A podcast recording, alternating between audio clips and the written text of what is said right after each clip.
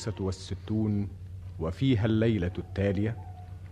اتخذ شهريار الملك مجلس الليلة الماضية وأقبلت شهرزاد في نفس الميعاد. فسلمت عليه وجلست إليه ثم مدت بساط الأنس ووصلت ما بين اليوم والأمس. والملك بين يديها نائم يقظان صاح سكران. وهي تشق معه جيوب الزمان وتحط به على قمم الأيام وتفتح له أبواب الأحلام.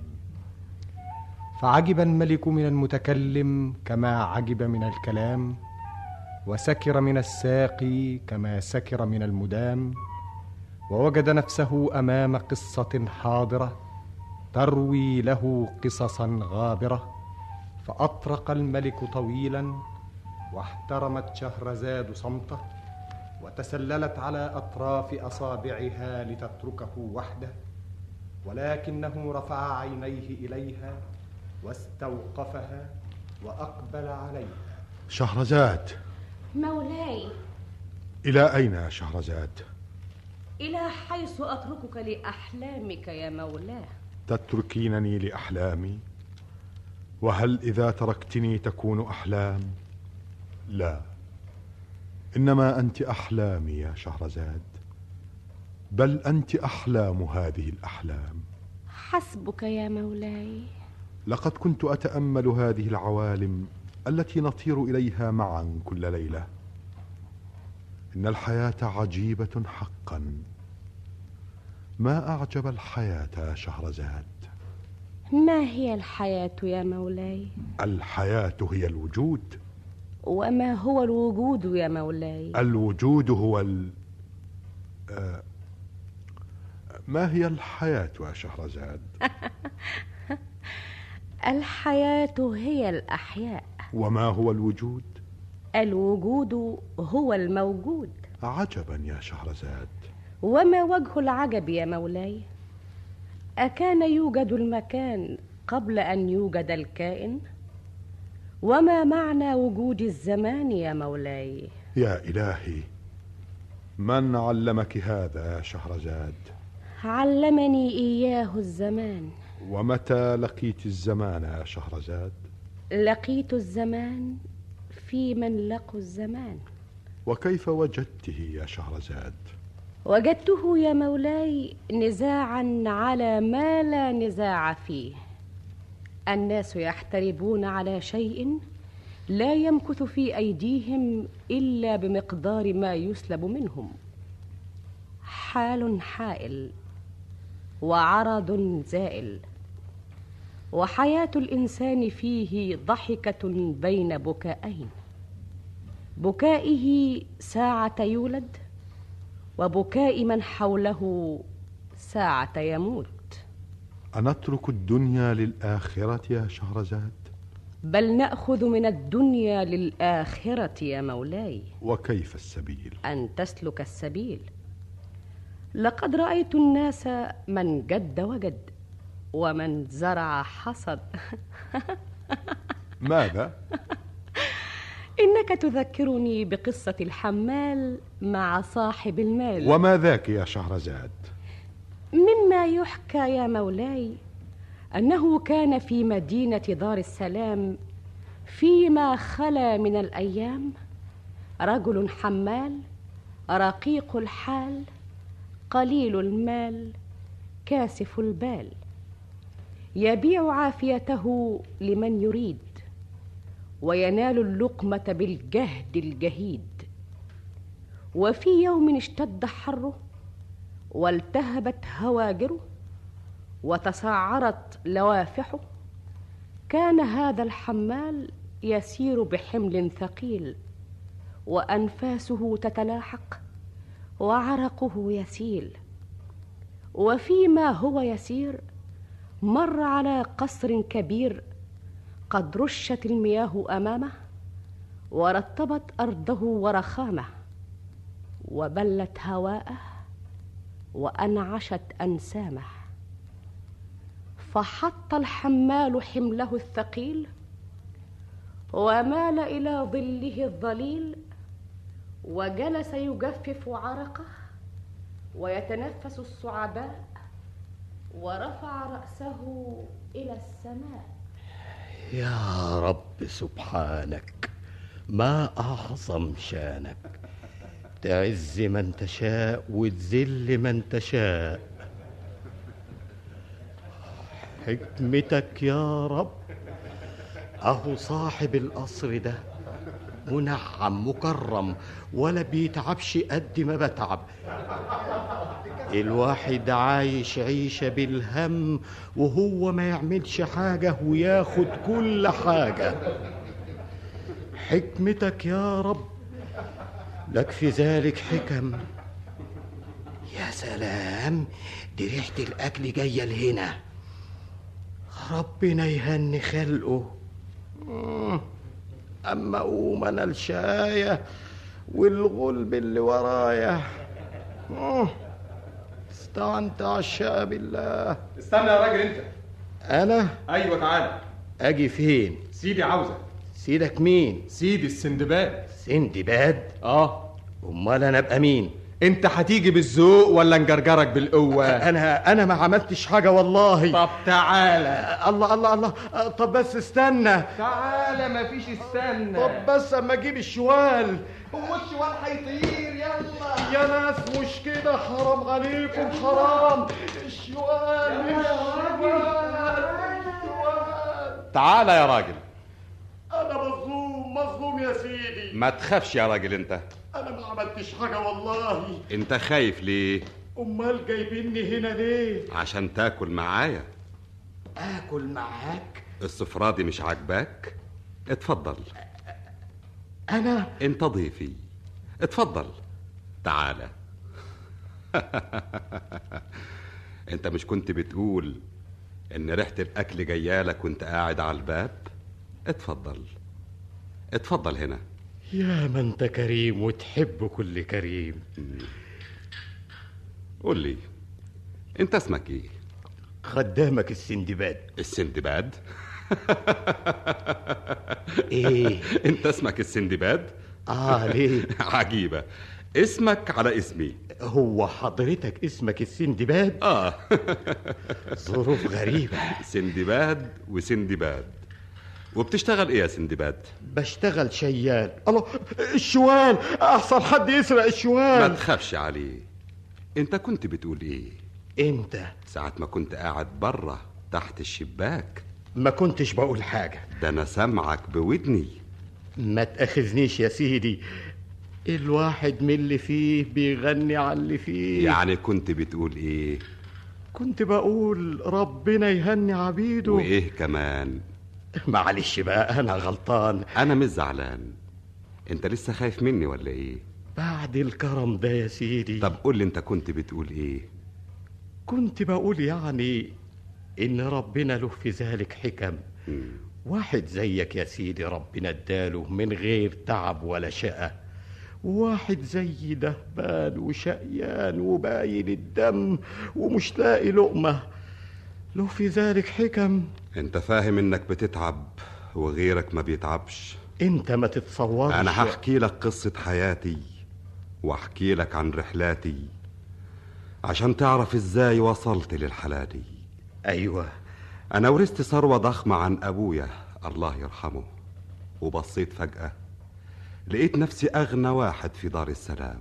كويس. اتلموا عليا اخوان السوق واندفعت معاهم في الطيار سنة ورا سنة وشهر ورا شهر ويوم ورا يوم.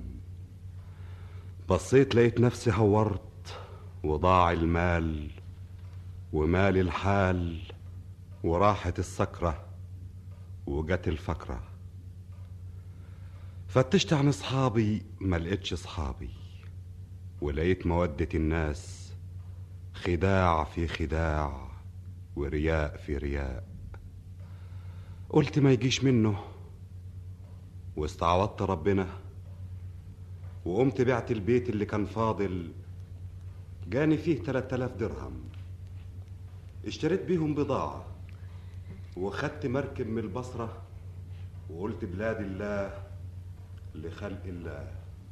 وظل يقص عليه تاريخ حياته وقصة رحلاته.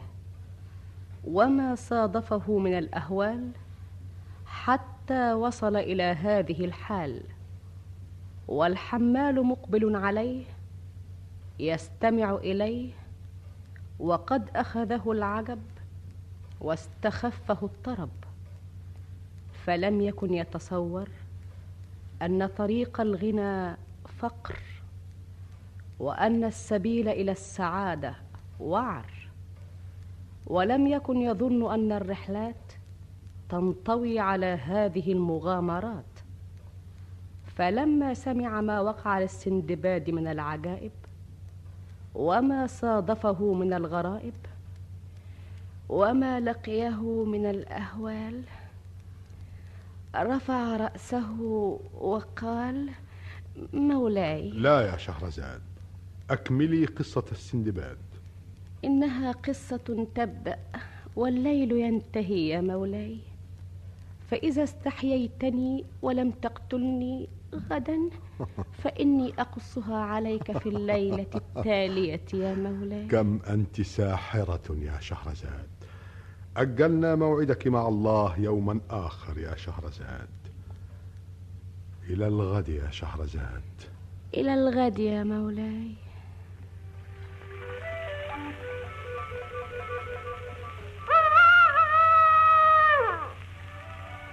وهنا أدرك شهرزاد الصباح فسكتت عن الكلام المباح.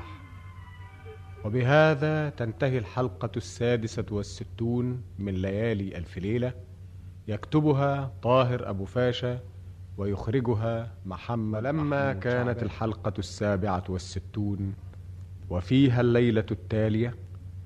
اتخذ شهريار الملك مجلس الليلة الماضية وأقبلت شهرزاد في نفس الميعاد فسلمت عليه وقبلت الأرض بين يديه وجعلت تقص عليه ما وقع وتصل من الحديث ما انقطع.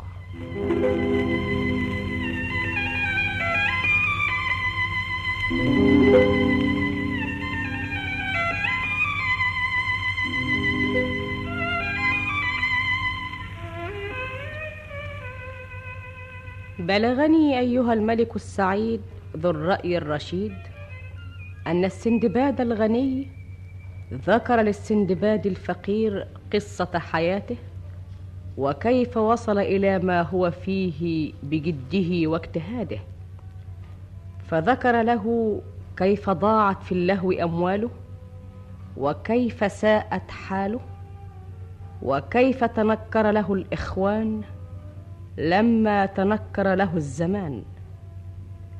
فندم حيث لا تنفع الندامة وباع ما وراءه وقدامه واشترى بثمنه بضاعة وانطلق مع التجار.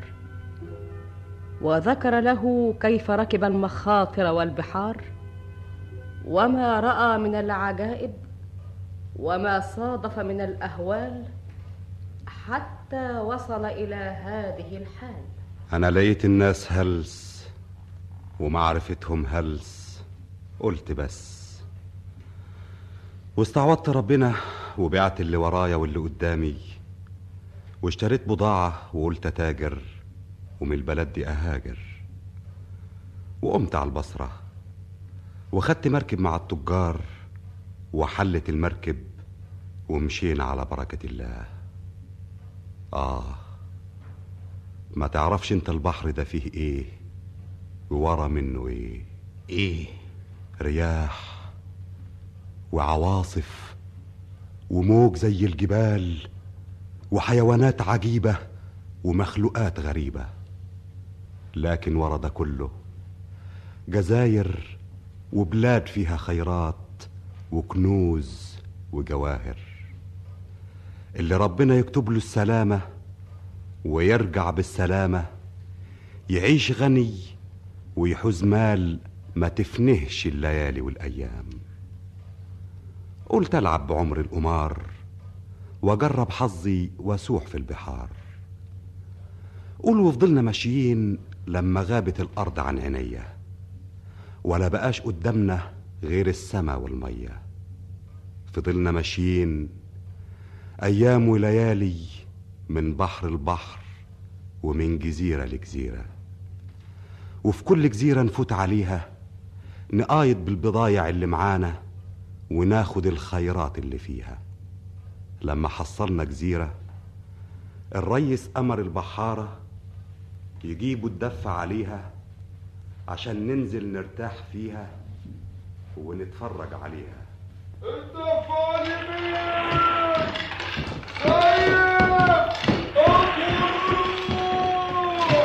السقالة يا ريس برهان يا أخي اربط المعدية كويس امال يلا يا سندباد إيدك يا زيات مفيش في الجزيرة دي غير الأرض والسماء ضروري هنلاقي فيها مية. أمال الأعشاب دي نابتة إزاي؟ إنما دي الأرض بتاعتها صخرية. برضه هنلاقي فيها عيون مية. ها أنت جبت معاك إيه؟ جايب عيش وزيتون. وإيه؟ زيات سندباد. الله. اصطادها إزاي ده؟ حتة غدوة. اصطدتها إزاي؟ الظاهر إن السمك هنا ما يعرفش الناس كويس.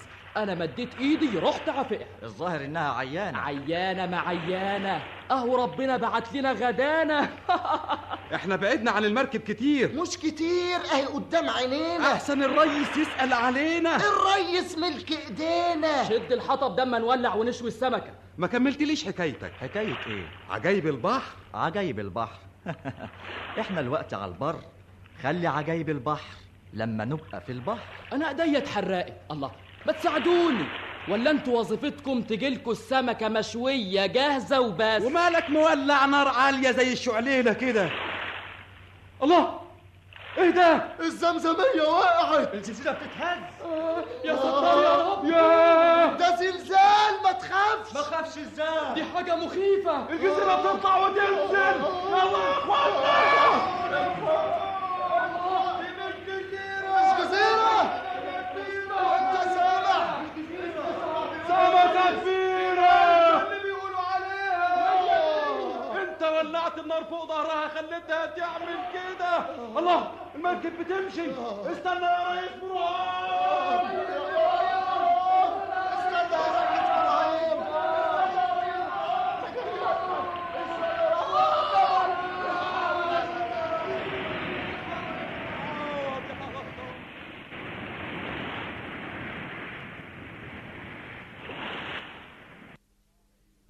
ولقينا نفسنا في وسط الأمواج.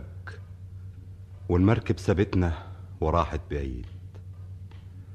واللي كانوا معايا ما حدش منهم بان. وأنا ربنا بعت لي قصعة خشب لقيتها عايمة على وش المية. رحت قاعد فيها وفضلت في وسط البحر يوم وليلة. لما حدفتني الأمواج على جزيرة. جزيرة فيها أشجار وطيور وأنهار. اترميت على الشط. وقعدت أزحف لما حصلت عين مية شربت وكلت من الفواكه الكتيرة اللي وقع من الشجر وغلبني النوم. نمت. معرفش قد إيه نمت. وقمت من النوم لقيت نفسي أحسن. خدت فرع شجرة أسند عليه وقمت أشوف الجزيرة دي إيه. ما لقيتش فيها ولا مخلوق. جزيرة زي الجنة.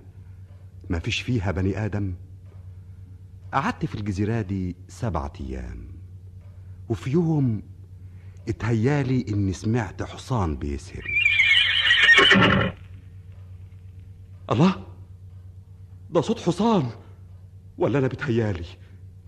لكن إيه اللي هيجيب الحصان هنا؟ الله! ده حصان بجد. الحصان ده إيه؟ الله على شط البحر. فرسة واقفة فرسة وحشية دي ولا إيه؟ يا سلام. أما حتة فرس. الله الله الله. دي مربوطة. الفرس مربوطة. يبقى لازم لابد حد ربطها هنا مال هتربط نفسها. لابد هنا في ناس. في ناس. يا ناس! يا ابعد. يا راجل انت أنا أنتوا أنا أنتوا مين؟ انت مين انت؟ أنا تاجر غريب. غرقت بيا المركب بتاعتي وطلعت على الجزيرة ديت. ما لقيتش فيها حد. أنتوا ساكنين هنا؟ دي بلدكم؟ ساكنين فين؟ مفيش بيوت؟ أنتوا أنتوا إيه؟ ما تخافش يا اسم السندباد. ما تخافش. تعال معانا الأول على المغارة. مغارة إيه؟ أصلك ما أنتش فاهم حاجة. ابدا ابدا. إحنا السياس بتوع الملك المهرجان. أيوه. كل شهر لما يطلع القمر يبعتنا الملك المهرجان ونيجي الجزيرة دي ومعانا الفرسه بتاعه. انزل. خش. أنا عارف إنك هتتضايق من المغارة دي. وإيه اللي قعدكم في المغارة دي؟ ما أنا جاي لك في الكلام. أنا قلت لك إيه؟ يبعتكم الملك المهرجان بالفرس لما يطلع القمر. أيوه. ونيجي الجزيرة دي ونربط الفرس على الشط وننزل نستخبى في المغارة. يقوم حصان البحر يشم ريحتها يطلع عليها وبعدين يحب ياخدها معاه في البحر يلاقيها مربوطة يضربها براسه ورجليه ويزعق. نسمع صوته نخرج عليه بالسيوف يخاف وينزل المية. وإحنا ناخد الفرسه ونرجع. تولد مهر. ما يتقلش بالمال. عرفت سبب وجودنا هنا؟ حاجة عجيبة. احمد ربنا لو ما كانتش الحكاية دي كنت فضلت في الجزيرة دي لوحدك لما تموت. وامتى حصان البحر يطلع؟ دي إحنا بننتظر بقالنا ثلاث أيام. الله! الحصان يا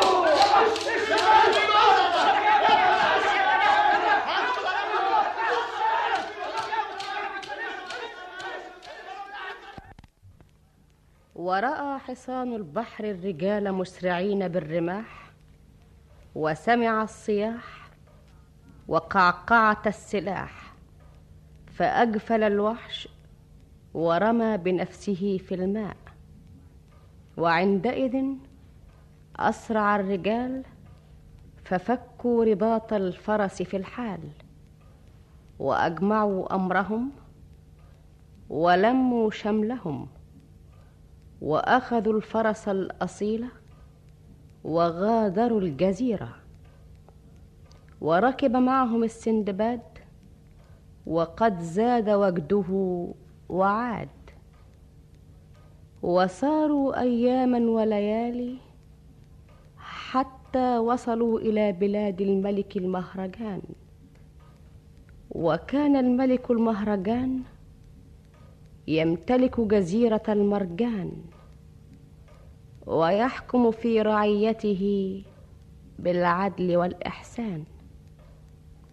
فلما دخلوا عليه وأخبروه بقصة السندباد طلب أن يدخلوه في الحال.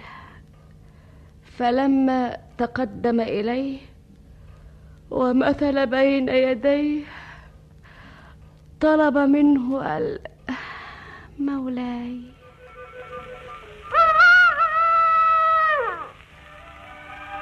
وهنا أدرك شهرزاد الصباح فسكتت عن الكلام المباح. وبهذا تنتهي الحلقة السابعة والستون من ليالي ألف ليلة يكتبها طاهر أبو فاشا ويخرجها محمد لما محمود كانت. الحلقة الثامنة والستون. وفيها الليلة التالية اتخذ شهريار الملك مجلس الليلة الماضية وأقبلت شهرزاد في نفس الميعاد وجلست إليه واستأنفت حديثها الموصول والملك يصغي لها وهي تقول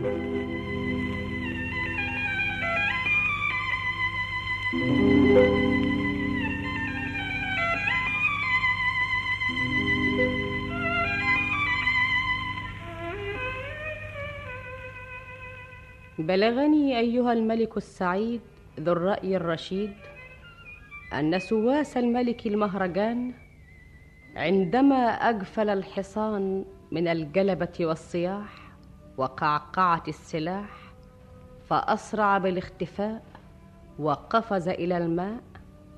عندئذ أسرعوا ففكوا رباط الفرس الأصيلة ولموا رحالهم وغادروا الجزيرة.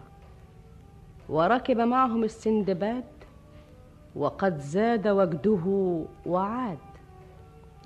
فلما شارفوا الأوطان ووصلوا إلى بلاد الملك المهرجان حملوا السندباد إليه وأدخلوه عليه فروى له روايته وحكى له حكايته فذهل الملك أوكاد ورفع رأسه إلى السندباد. عجيبة حكايتك دي يا سندباد.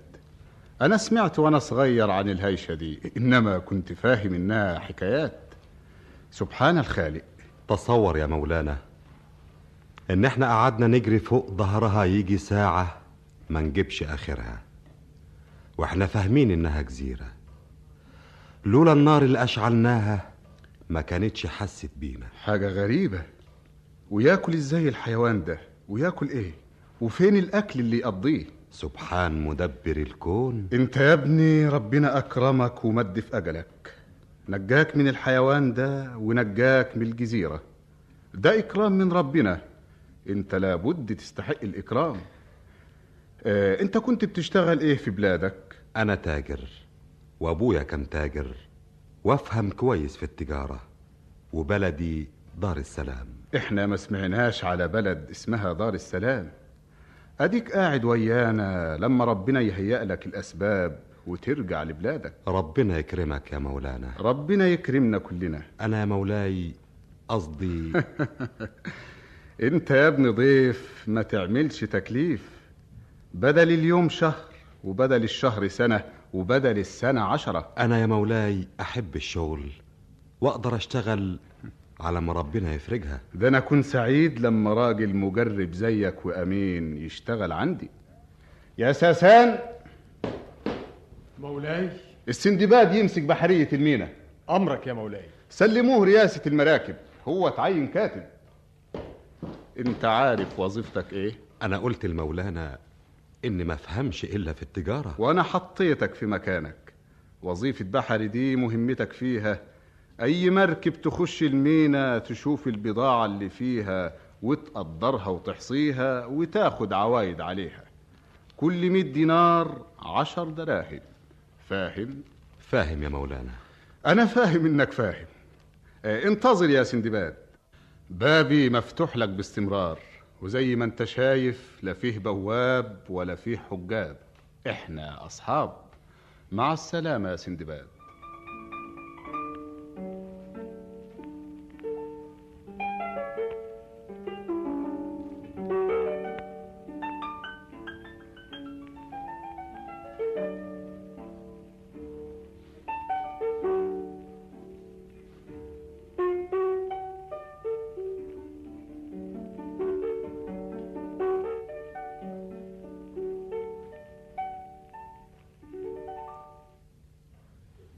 لسه إيه؟ ابدا ما عادش. شيلوا الشوال ده. أمال ده إيه؟ آه، دول شوية قماش بساط مالهمش قيمة. وريني. آه، طول بالك هنتفاهم. نتفاهم على إيه؟ وريني. الله ده كشمير صيني. آه أيوه حاجة رخيصة. رخيصة يعني إيه؟ الواحد منها ما يجيبش عشر دراهم. انت متأكد؟ وإذا كان يجيب كمان. لا ده انت غلبان. توب الكشمير بعشر دراهم؟ ده يبقى حرام. أمال أنت فاهم إيه؟ لا ده أنت تبقى فعلا غلبان. يا عمال شيلوا الكشمير ده كله. الله! أنت خايف ليه؟ ده إحنا بنكرمك. تكرمني إزاي؟ أنت مش بتقول بتبيع التوب بعشر دراهم؟ أيوه. الكشمير بتاعك ده كله اشتراه الملك المهرجان بسعر 200 الله! أنت بتقول إيه؟ مش بتبيعه بعشرة؟ إحنا هنشتريه ب 200 إزاي؟ أصلك تستاهل كل خير. يا حاسب درب في 200 وشوف حسابه كام. اعمل معروف أديكوا العوايد اللي أنتوا عايزينها. عوايد إيه؟ عوايد الكشمير. الكشمير خلاص اشتراه الملك المهرجان. اعمل معروف خلاص احرم الموضوع خرج من إيدينا. عاوز تاخد كشميرك؟ روح للملك المهرجان. مفيش على بابه بواب ولا له حجاب.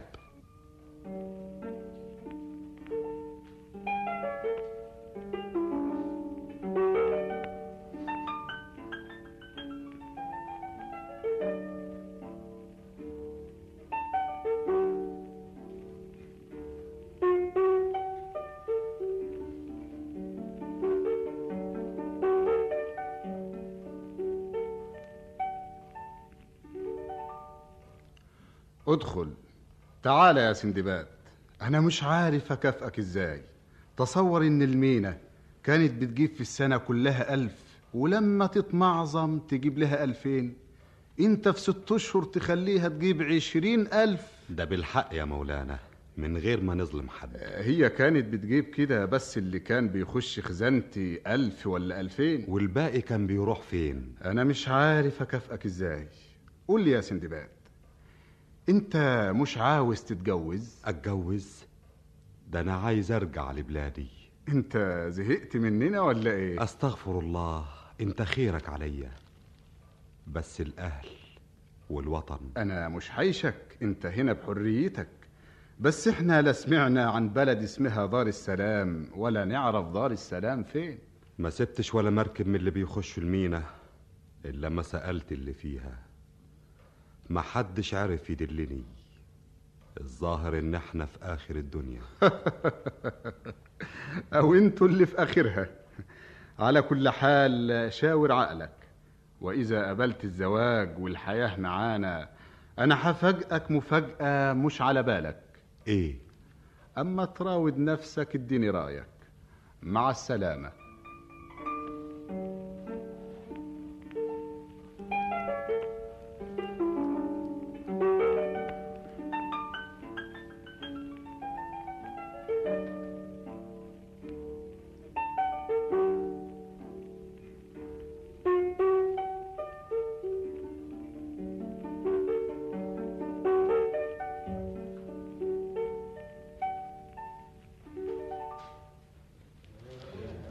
استنوا ما حدش ينزل حاجة من المركب. ما إحنا مقدمين لكم الكشوف اهي. أما يجي البحري. وفين هو البحر بتاعكوا ده؟ أيدتوا كل حاجة؟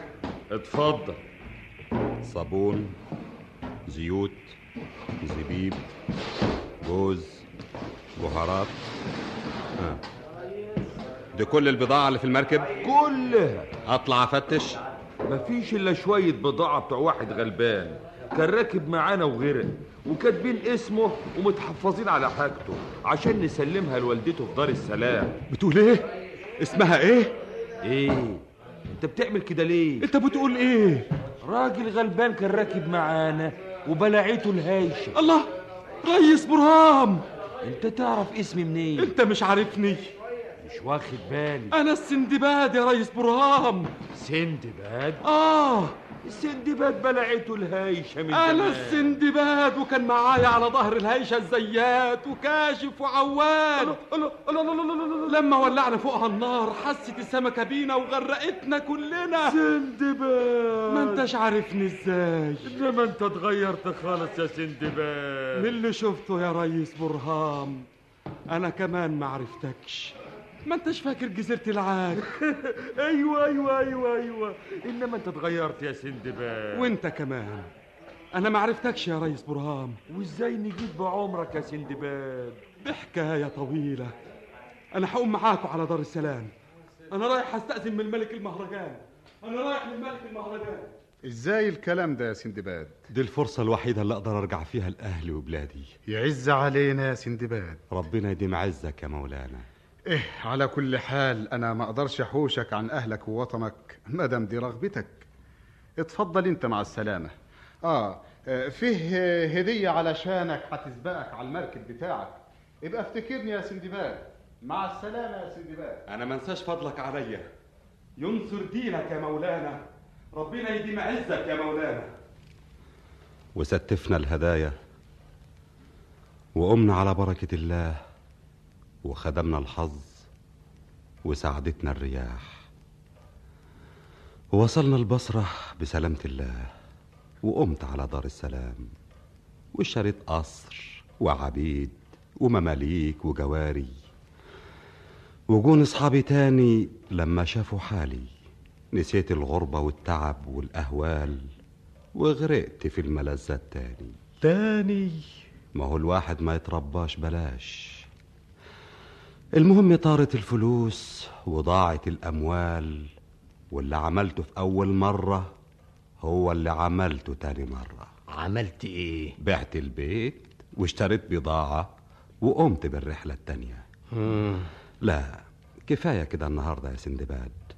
على فكرة أنت بقى اسمك السندباد البري وأنا السندباد البحري.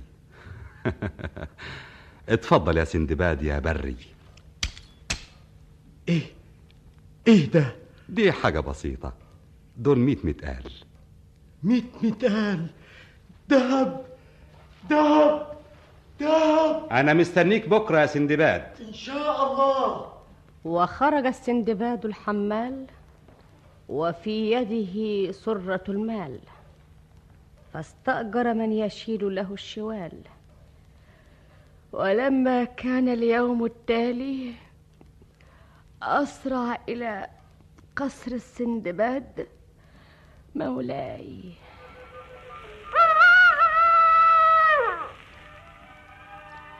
وهنا أدرك شهرزاد الصباح فسكتت عن الكلام المباح.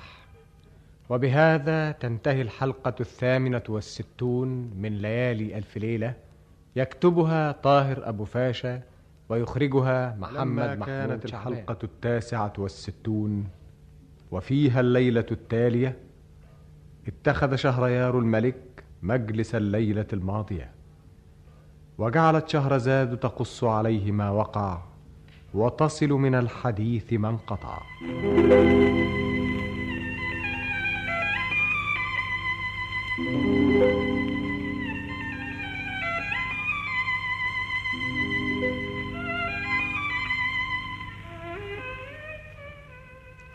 بلغني أيها الملك السعيد ذو الرأي الرشيد أن السندباد البري لما أخذ السرة من السندباد البحري لم يصدق نفسه وانطلق إلى بيته يجري فأخبر زوجته وروى لها قصته وبات ليلته فلما أصبح الصباح وجاء الميعاد انطلق الرجل إلى قصر السندباد فوجده جالسا وحوله الأصحاب وبين أيديهم الطعام والشراب.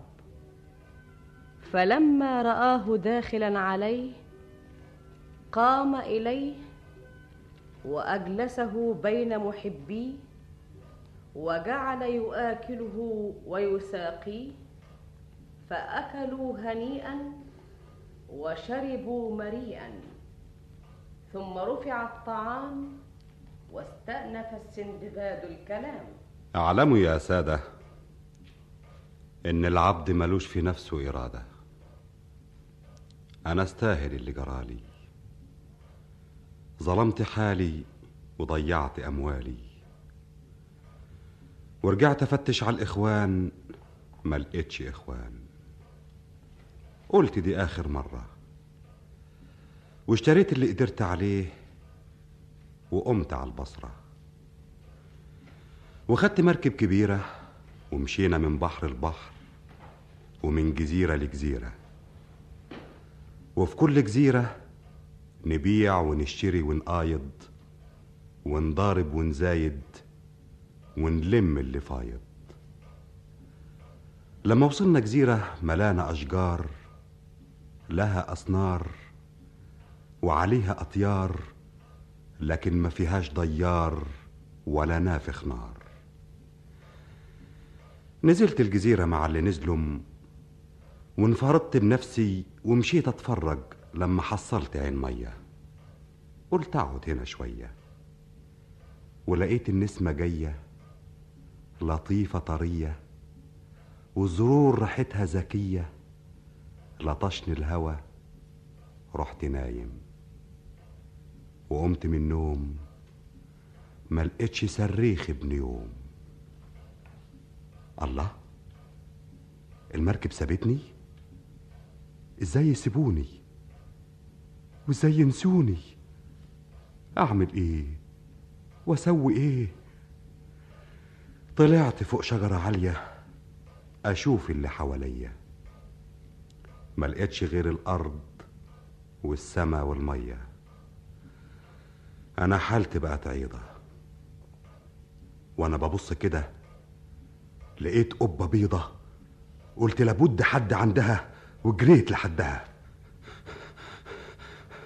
يا القبة دي إيه؟ هي ناعمة كده ليه؟ وفين الباب؟ دي ملهاش باب. مين اللي بناها؟ وفين هو اللي بناها؟ والقصد إيه من بناها؟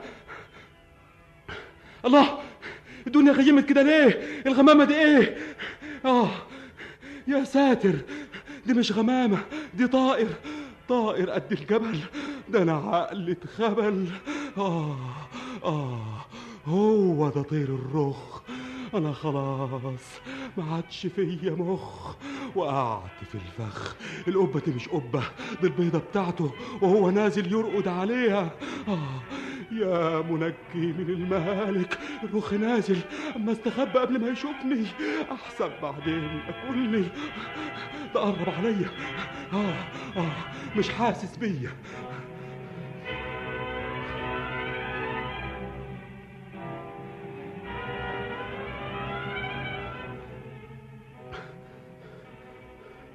يا هو ده الرخ.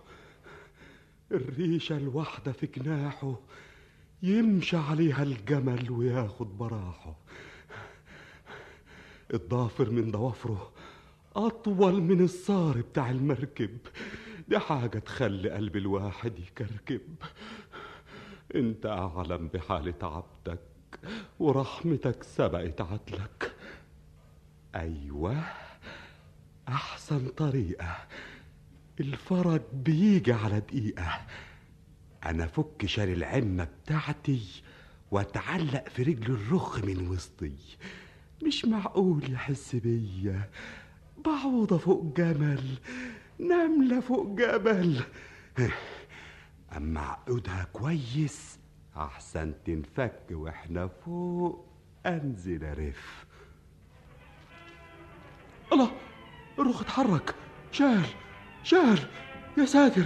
ده قام قام بيطير بيطير. طار طار. آه!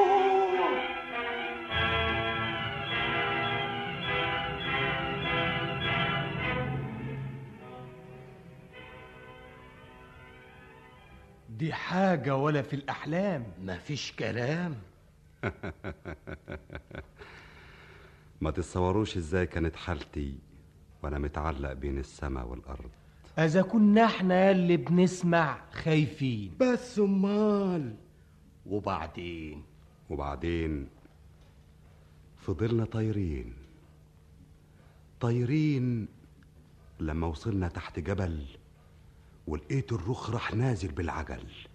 أنا فكيت نفسي منه ولقيته خطف حاجة بتزغرط. حققت فيها لقيتها حية بتتلعبط أنا فرجت عينيا وبصيت حواليا لقيت الأرض كلها ألماظ. الألماظ اللي ما يكسروش إلا حجر الرصاص. وفضلت أمشي تحت الجبل لما مسي عليا الليل. بصيت لقيت الدنيا كلها تعابين. حيات خارجة وداخلة وكل حية زي النخلة. لقيت مغارة قدامي رحت داخل فيها طوالي وسددها بحجر عليا وببص بعينيا لقيت في قلبها حية حية فردة شعورها وراقدة فوق بيضها اتسمرت في مكاني لا أنا قادر أستنى ولا قادر أخرق تاني. اشهدت على روحي وسلمت له أمري وفضلت طول الليل صاحي والحية نايمة جنبي. ساعة ما شقشق الفجر قمت أجري وأنا بجري. سمعت حاجة وقعت ورايا.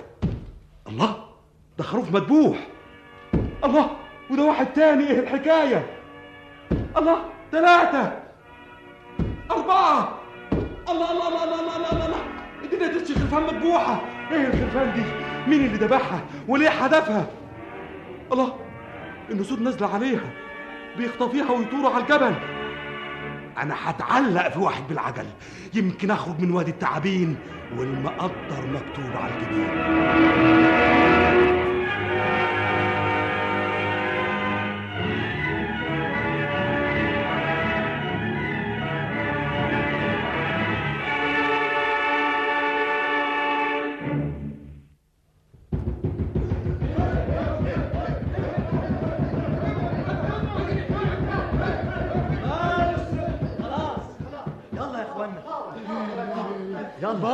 الله فيما رزق. بارك الله فيما أعطى. حظك كويس. الله. بسم الله الرحمن الرحيم. ما تخافش ما تخافوش. الله. أنت مين؟ جاي منين؟ ما تخافوش ما تخافوش. أنا كنت تحت. إزاي؟ مع التعابين؟ هو ده معقول؟ كل التجار يحدفوا خرفانهم وكل واحد ياخد نصيبه من الألماظ. وأنت اللي تطلع نصيبي؟ نصيب إيه؟ أنتوا مين؟ أنا فين؟ أنت متحير فينا وإحنا متحيرين فيك. الوادي اللي أنت كنت فيه وادي التعابين. الأرض بتاعته الماس ما نقدرش ننزل نجيبه من الحيات اللي فيه.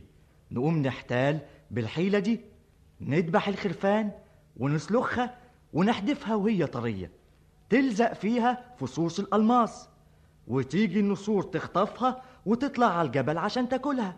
نخرج إحنا عليها ونطفشها. وكل واحد فينا معلم ذبحته وكل واحد وبخته. كل تاجر خد نصيبه وانت اللي طلعت لي يا وش النحس. ما تزعلش أنا معايا كتير. اتفضل. ياه حجر كبير. شوف الحجر يا بكير. يساوي كتير؟ ده يساوي ملايين. اتفضل مني إليك. كل ده ليا؟ أنت صاحب الفضل عليا. بس عاوزك تاخدني معاك وتتمم جميلك. هو إحنا نسيبك. انت ما قلتلناش. انت مين؟ ومنين؟ وايه رماك في وادي التعابين؟ هقول لكم كل حاجة وإحنا ماشيين. هاتوا الجمال! شدوا الرحال. يلا يا بكير. يلا يا بكير. فين الدليل؟ عالضرب الطويل. عالضرب الطويل. وركبت وياهم وبعت معاهم واشتريت مركب تجارة وعبيد وبحارة وقمت على البصرة وصرناها بعد عام ومنها على دار السلام. يا سلام. دي الرحلة التانية. استنى شوية. اتفضل أول. إيه ده؟ دي حاجة بسيطة. ميت متقال ما انت يا سيدي اديتني امبارح سرة. ربنا هو اللي بيدي. لو جيتني بكرة هديك كمان سرة. ربنا يزيدك من خيره ويغنيك عن غيره. عمار عمار يا جويت المحسن عمار وخرج السندباد الحمال وفي يده سرة المال وفي اليوم الثالث مولاي.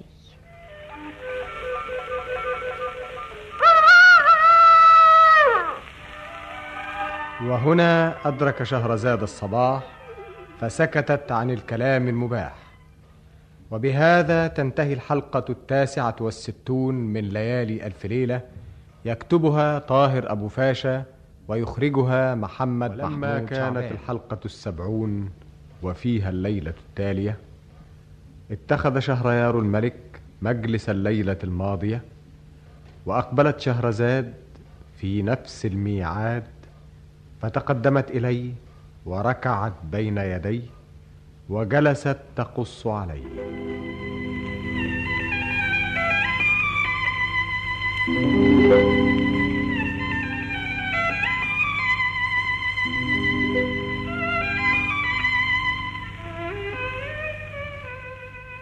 بلغني أيها الملك السعيد ذو الرأي الرشيد أنه لما كان اليوم الثالث أسرع السندباد البري إلى قصر السندباد البحري. وقد تعلقت نفسه بقصته العجيبة وحوادثه الغريبة. أكثر مما تعلقت بعطاياه واطايبه وهداياه. فلما دخل عليه في ذلك اليوم وجد حوله كبار القوم. فهش له السندباد وأجلسه بين الأجواد. حتى إذا رفع الطعام استأنف السندباد الكلام فحدثهم عن رحلته الثالثة حادثة بعد حادثة. اعلموا يا سادة إن الطمع قل ما جمع وإن الدنيا سراب ومتاع كذاب. وابن آدم ما يملاش عينه إلا التراب. واحد زي ربنا نجاه وأعطاه وغناه. يحمدش ربنا على نعمة الغنى وينام على أمواله ويريح باله ويعتبر باللي جراله لا أنا يا دوب قعدت شهر والتاني ونسيت اللي جرالي واشتقت للسفر تاني. ووحشتني البحور والمراكب والمغامرات والمكاسب. وطوعت نفسي الأمارة ورحت اشتريت تجارة. لقيت مركب وفيها ناس طيبين أصحاب معروف وأهل دين. نزلت معاهم وقمت وياهم. وفضلت المركب ماشية بينا أيام وشهور. شفنا عجايب وفتنا جزاير وبحور. وفي كل جزيرة نبيع ونشتري ونقايض ونضارب ونزايد ونلم اللي فايض. وفي يوم من ذات الأيام وإحنا قاعدين فوق ظهر المركب نتكلم سمعنا الريس بيصرخ. لا حول الله! رحنا بلاش إيه في إيه؟ مالك يا ريس؟ في إيه؟ إنت بتزعق كده ليه لا حول الله عليك العافية يا رب رحنا بلاش انت لبشتنا في إيه؟ ما تقول لنا. السلامة. السلامة. إيه يا ريس؟ ما تقول لنا. إيه؟ الشهر على روحكم الريح السوداء هيجوا علينا أنا شميت ريحتها رحنا بلاش. جبل القرود قدامنا والريح هترمينا عليه. جبل القرود؟ وين ده؟ الله الهوا قام. هوا دي الريح إزاي المركب طايرة مع الموج الجبل جبل القرود ياه ده إحنا مرمين عليه زي الطين إيه ده؟ دي القرود زي النمل يا يا جايين علينا جايين عليهم يلا نعدي يا مفيش دول ملايين سيوف يا رجال هو بيضربوا الغداري دول دول بيشعلقوا في المركب يسحبونا الله. طلعوا على الدفة الله شوف بينطوا على الطاري يقطعوا القلوع يا ريس المركب بيمين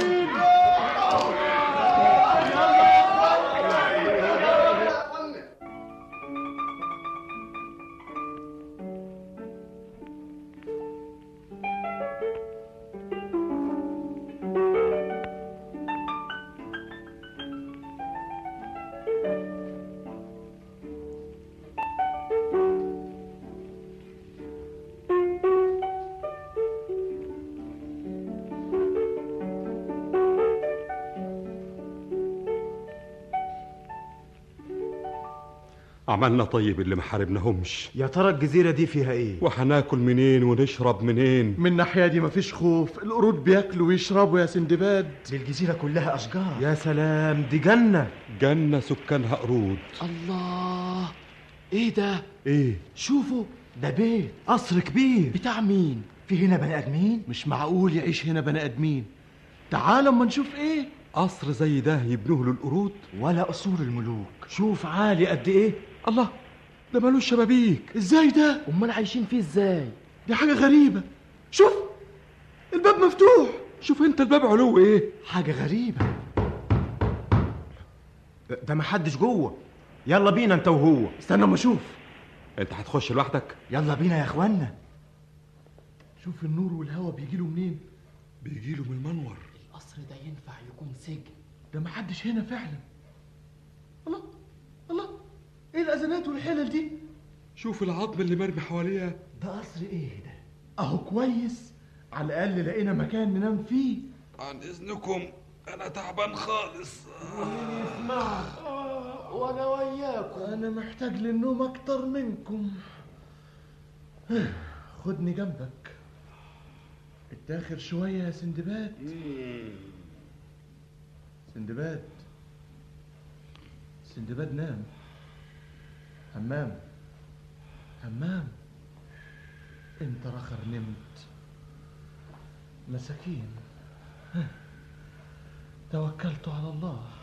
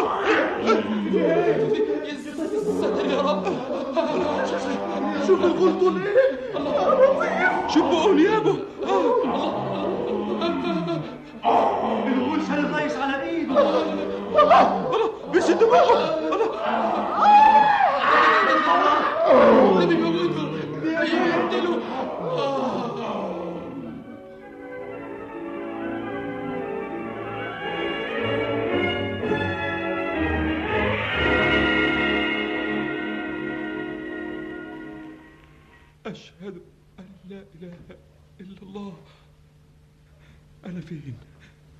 الله الغول راح فين؟ الريس الريس أنتوا نايمين ولا مسرقين؟ قوم قوم خلينا نهرب. الغول. بسم الله الرحمن الرحيم. الريس. الريس فين؟ شوية. العظم اللي قدامكم دول هم الريس. الريس مات الغول أكله الغول راح فين؟ يلا مال. الله الله. ده الباب مقفول. الغول قفل الباب. إحنا محبوسين هنا. الغول حبسنا إنا لله وإنا إليه راجعون. دلوقتي لما يجوع. يرجع ياكلنا زي ما أكل الريس يا رب أنت أعلم وغيرك لا يعلم. ربنا كتب علينا المتادي سلمت أمري إليك يا رب. الغول هياكلنا واحد واحد كل ما افتكر اللي جرالي ما أعرفش إيه اللي جرالي يا مسعود ناولني سطل مية يا ابني. حاجة تدوخ. تدوخ وبس. الواحد يشوف إخوانه بيتقطعوا حتت وبينشوا على النار ويتاكلوا من قدام عينيه. ده إحنا ربنا رحمنا. بقى يغمى علينا. لو ما كناش سرقنا يمكن كنا متنا. أنا ما اتحملش منظر زي ده. منظر الغول ولا منظر إخواني؟ ده وده. اللي العن من ده وده. لما فوقنا بصينا ما لقيناش الغول. قمنا نجري على الباب لقيناه مقفول. اتكترنا على الباب عشان نكسره. الباب كان بولاد. مفيش حاجة تأثر فيه. مفيش شبابيك. مفيش سطوح. مفيش سلم. لو فيه سلم كنا رمينا نفسنا من فوقه. وهي موتة بموتة بقينا زي الفيران في المصيدة. الغول متصور إن إحنا حوان زي الطيور والبط والفراخ. حبسنا في القصر ده وكل يوم المغرب يجي يفتح الباب ويقفله تاني ويحط قدامنا أكل ومية وينقيله واحد مننا يتعشى بيه وبعد ما يشويه وياكله يترمي جنب النار ويفضل نايم يشخر. لما يطلع النهار يروح قايم متمم علينا ويعدنا ويجسنا ويقلب فينا ويخرج ويقفل الباب علينا. اللي ميت من الخوف واللي خايف من الموت اللي بيقتلوا الغول أهو بياكله.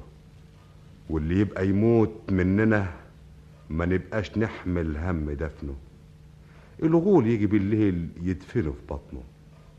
في الساعة دي افتكرت أهلي وأوطاني ونظرت بيني وبين نفسي لو ربنا نجاني ما عدتش أركب البحر تاني. المهم إحنا لقينا نفسنا في القصر محبوسين مفيش لنا ملجأ ولا معين. قمنا كلنا متجهين للباب اللي ملوش بواب ورفعنا للسما عينينا ومدينا ايدينا يا رب. يا رب. فك الكرب يا رب. وظل السندباد ورفاقه محبوسين في هذا القصر يعانون أهوال الرعب ومرارة الأسر ويترقبون أسوأ مصير من هذا الغول الخطير. وليس لهم ملجأ إلا البكاء والاتجاه إلى السماء. وشل الرعب أفكارهم وسد باب الحيلة أمامهم. وكلما أقبل الليل وزحفت جيوش الظلام روعتهم الأهوال وغالتهم الآلام. إلى أن كان يوم من ذات الأيام احسوا بحركة عند ال- مولاي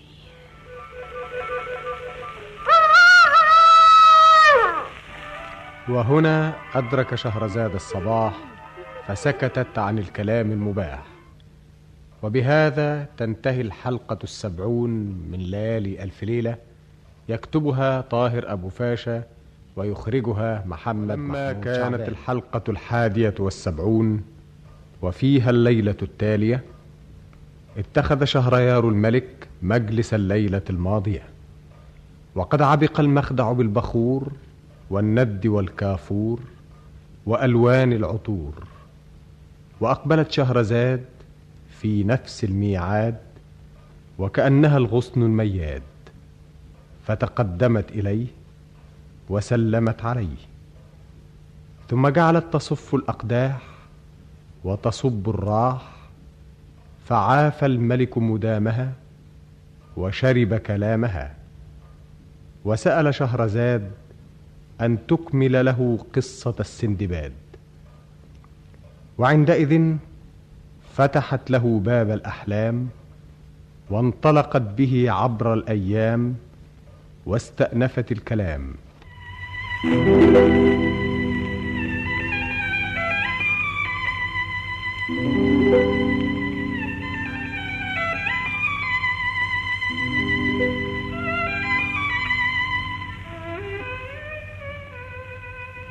بلغني أيها الملك السعيد ذو الرأي الرشيد أن السندباد البحري ورفقاءه لما رأوا الغول يفترس الريس ويشرب دماءه أخذهم الرعب واستولى عليهم الجزع وأغمي عليهم من شدة الفزع. وأفاقوا من إغمائهم فإذا الدنيا نهار وبحثوا عن الريس فوجدوا عظامه بجانب النار.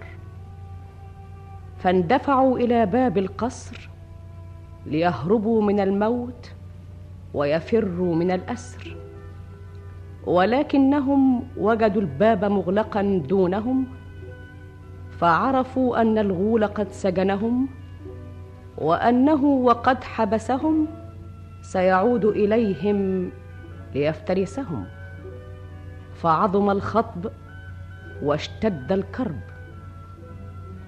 كل هذا يا مولاي مما يرويه السندباد البحري للسندباد البري ليثبت له أن الحياة من جد وجد وأن الناس من زرع حصد وأن السعادة لا تنال إلا على جسر من الأهوال. إحنا عرفنا ان الغول حبسنا ولابد هيرجع علينا يفترسنا. حاولنا نكسر الباب ما امكناش مفيش شبابيك مفيش سطوح مفيش منفذ زي الفيران في المصيدة. قعدنا نبكي على حالنا ونفكر في مصيرنا. لما خش علينا الليل سمعنا صوت الغول وانفتح الباب وهب علينا التراب ولقيناه داخل يعفر ويشنفر ويخنفر وحط مية وأكل قدامنا ومد إيده وخطف واحد منا وفسخه وشواه وأكل لحمه والعظم رماه واترمى على الأرض زي البعير وراح في النوم وهات يا شخير زي الأذان لما يفور. وفضلنا صاحيين وهو نايم. لما النهار طلع راح قايم وخرج وقفل الباب علينا بعد ما قعد يجسنا ويقلب فينا. قعدنا على الحالة دي أسبوع ينقي واحد مننا كل يوم وبعد ما ياكله يروح في النوم. لما ما فضلش مننا غير أربعة والباقي إشي مات من الخوف وإشي قتلوا الغول. وفي يوم من الأيام خطف الغول صاحب همام وبعد ما كله ونام وفضل يشخر ويبربر ويشنفر زحفت على إيديا ورجليا لما وصلت لأصحاب الاتنين اللي باقيين.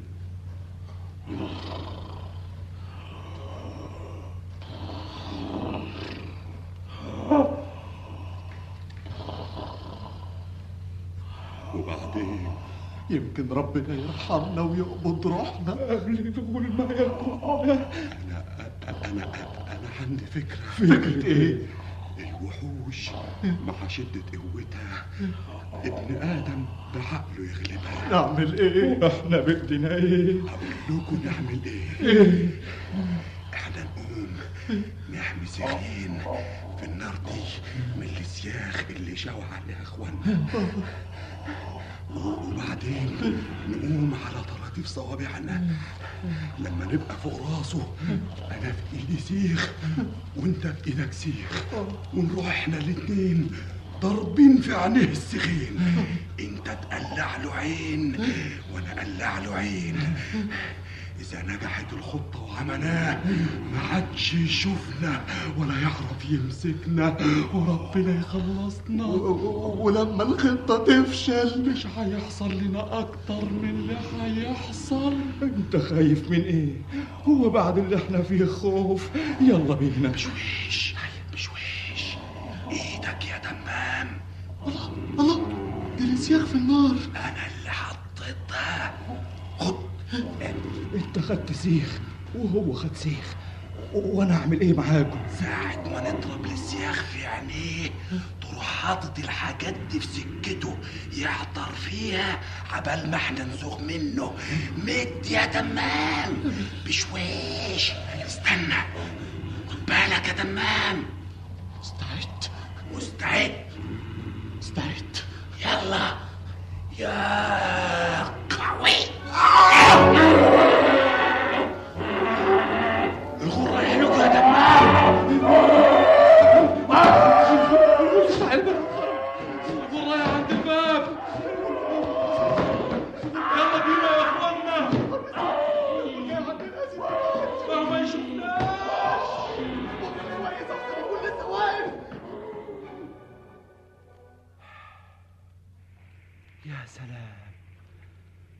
الحرية البحر. شوف المركب بتاعتنا. القرود خلوها إزاي؟ اللوح الخشب ده يقضينا نركب عليه. نركب عليه إزاي؟ مفيش طريقة إلا إننا كل يوم نيجي هنا ونقف على الشط. يمكن نشوف مركب ماشية من بعيد نشاور لها يمكن يشوفونا. لكن نركب على اللوح الخشب ده مش الله! الله! إيه ده؟ الغول سحباه الغولة من إيده وجايين يجروا علينا. يلا على اللوح الخشب. مد يا تمام! مد يا تمام! زق يا حسان زق يا حسان. هات الخشبة دي بعملها مدرة إن شاء الله ما يحصلوناش. الله الغولة هتحدفنا بالحجارة. هتدير بالخشبة اللي معاك. يا رب يا رب سلمت أمري إليك يا الله رب. ده الهواء يا إخوانا مكتوب علينا. الله شوف الموج إزاي. زي الجبال.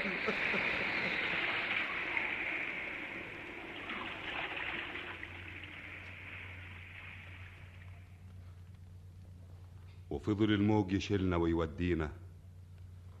لما حدفنا على جزيرة حمدنا ربنا ونزلنا إحنا التلاتة. لقينا في الجزيرة أشجار ولها أسمار. بلينا رقنا وكلنا من جوعنا واترمينا على الأرض من تعبنا ونمنا. وأنا نايم اتهيألي إني سمعت حاجة بتصفر. فتحت عينيا لقيت قدامي تعبان مجفر.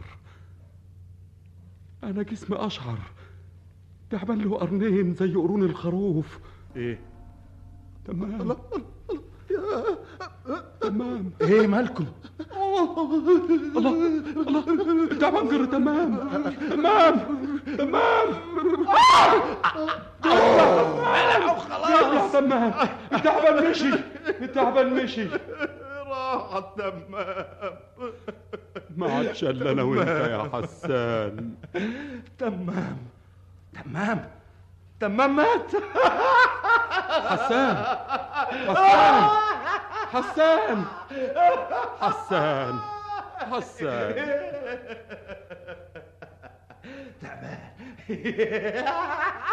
فوي حسان. حسان كلمني. انت مين انت؟ أنا أنا صاحبك السندباد يا حسان. لا حول ولا قوة إلا بالله. تعالى يا حسن نطلع فوق الشجرة دي وننام. أحسن التعبان يجي لنا زي امبارح. تعبان؟ أنا عايز أقابل التعبان. أنت تعبتني لف وراك في الجزيرة من امبارح يا حسان. الله التعبان! التعبان فين هو التعبان؟ اهرب يا حسان. انت بتهرب من التعبان يا جبان تعال هنا يا تعبان. بعد عنه بعد عنه انت رايح له إيدك يا تعبان. حسان حسان حسان. وظل السندباد وحيدا في الجزيرة يواجه الأهوال والآلام الكثيرة. وليس معه في هذه الجزيرة سكان غير ذلك الثعبان. واستعبر السندباد وبكى وأن واشتكى وتكاثرت عليه الأحزان وذكر الأهل والخلان. واسترجع الماضي والأيام وذكر دار السلام. فتملكه حنين طاغي واستبد به يأس باغي. ثم طالعته صورة الثعبان الذي يبتلع الإنسان فجعل يقدح زناد فكره ليهتدي إلى حيلة تنجيه من شره. فهداه تفكيره إلى مولاي.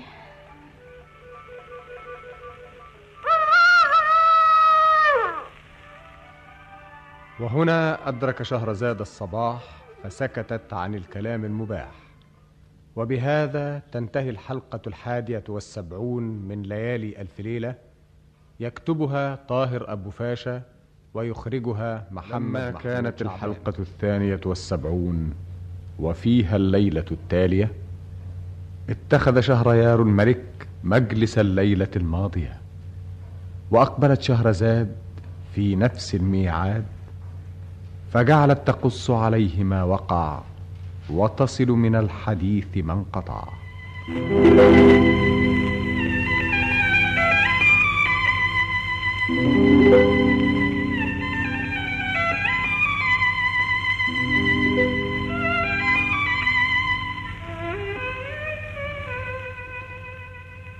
بلغني أيها الملك السعيد ذو الرأي الرشيد أن هذه الجزيرة لم يسكنها إنسان ولم يكن بها سكان غير ذلك الثعبان الذي نهش تماما وأتى على حسان.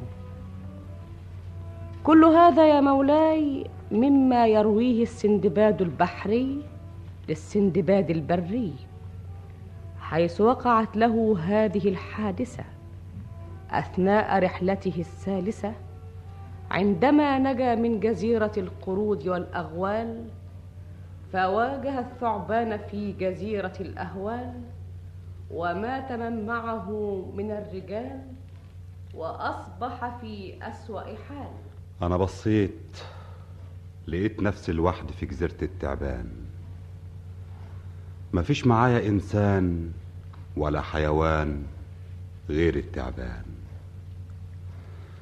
قلت ما عادش غيري والتعبان مش هيعتقني ضروري الليلة دي ياكلني أعمل إيه؟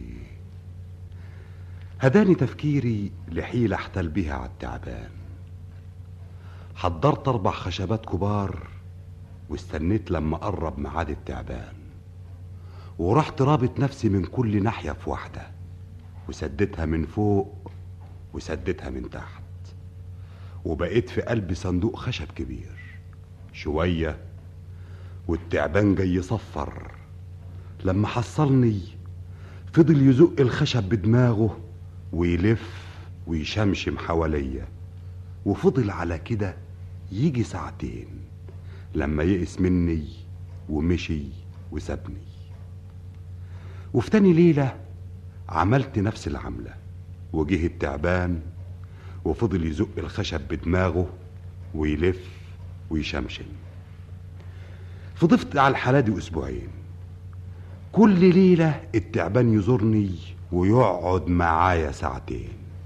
يحاول يوصل لي لما ييأس مني ويمشي ويسيبني.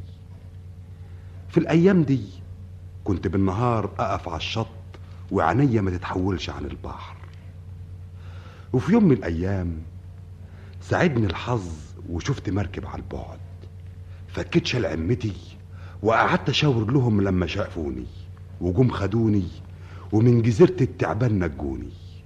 وسألوني حكيت لهم على اللي جرالي قاموا أكرموني وصهب عليهم حالي وفضلنا ماشيين أيام وليالي.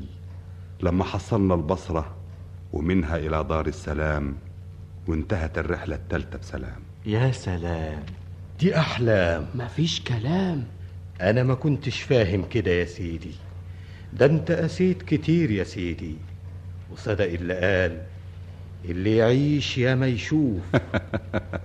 واللي يمشي يشوف أكتر. استنى يا سندباد يا بري. اتفضل. إيه ده؟ المعلوم. هو كل يوم. ميت ميت قال دهب. ده كتير قوي يا سيدي. فضل ربنا أكتر. إن شاء الله لو جيتني بكرة هديك كمان صرة وتحكي عن رحلتك الرابعة. وأحكي لك رحلة الرابعة. مع السلامة يا سندباد أنا مستنيك بكرة. إن شاء الله. ولما كان اليوم التالي أسرع السندباد البري إلى قصر السندباد البحري. فتأخر وتقدم وحيا وسلم وجلس في مكانه المعتاد بين أصدقاء السندباد. فأكلوا وتفكهوا وشربوا وطربوا. ثم رفع الطعام واستأنف السندباد الكلام. فأخذ يروي لهم أخبار رحلته الرابعة ويطرفهم بحوادثها المثيرة الرائعة. اعلموا يا سادة إن سلوك الإنسان عادة وإن عادات السادات سادات العادات. أنا يا دوب ارتحت من اللي شفت في رحلتي التالتة وبقت حياتي ماشية على وتيرة واحدة حياة ناعمة. وخلو بال وكتر مال ما عجبنيش الحال. كمان أنا ما أحبش الحياة هادية الحياة التانية المغامرات الأسفار البحار. دي فرجة وتعليم. الواحد يسيب ناس ويشوف ناس ويشوف عادات وغرايب وعجايب. المهم نسيت التعب والخطر ونفسي اشتاقت للسفر. خدت جزء من أموالي وقمت أدور على حالي واشتريت لي تجرة وقمت على البصرة. وركبت البحر تاني ومشينا على بركة الله أنا وإخواني. وفضلنا في البحر أيام وليالي والجو صافي والبحر هادي. وفي ليلة من ذات الليالي بصينا لقينا الريح انقلب والبحر غضب والأمواج غطت المركب وطلعت عليها وانقلبت المركب باللي فيها. من رحمة ربنا عليا لقيت له خشب على وش المية. اتعلقنا فيه وبعضنا ركب عليه وسبنا نفسنا لرحمة ربنا. وأنا بقدم بإيديا وأطبش برجليا لقيت رجلي خبطت في الأرض. الله! الأرض! الأرض؟ أرض إيه؟ امسك كويس. إحنا وصلنا. الأرض! الأرض يا اخوانا ربنا عالم بحالنا. الجزيرة دي فيها إيه؟ أنا عارف فيها إيه. إحنا الفدنا من الغرق وبس. شوف أشجار الجوز شوف أشجار الموز. أمال فين الناس؟ شوف أشجار الأناناس. الله! الله! شوف! دول الزنوج يلا نهرب قبل ما يطبعوا علينا. دول بيهتفوا حوالينا. الله. الله. الله. الله. الله. الله. إيه ده؟ الله. الله. لا لا لا. لا لا معالي دول عرايا. الله. الله. الله. الله. الله. الله. الله. الله. الله سوماليا جنجع هم هم هم هم هم بيقولوا إيه؟ ما تقتلهمش. خدوهم الملك بتاعنا. أنا مش فاهم. تعالى هنا. آه! امشي معاه. هم واخديننا على فين؟ خلينا ماشيين معاهم. أنا أنا أنا مش فاهم. اما نشوف آخرتها معاهم. انت خد. آه! آه إيه مالك؟ زغلني بكعب الحرب. إيه ده؟ ده ده, ده الظاهر الملك بتاعهم. مولعين قدامه. نار وبيرقصوا حواليها. يا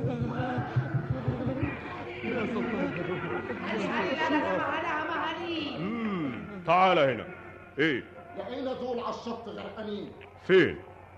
مم. دول بني آدمين. غدوة عظيمة. ناويني واحد منهم كده. أما أشوفه. ها؟ ها ها. دول نحاف. هو ده في حاجة تتاكل جونجا. جونجا. خدوهم اعلفوهم وشبعوهم وسمنوهم. اعلفوهم سمنوهم.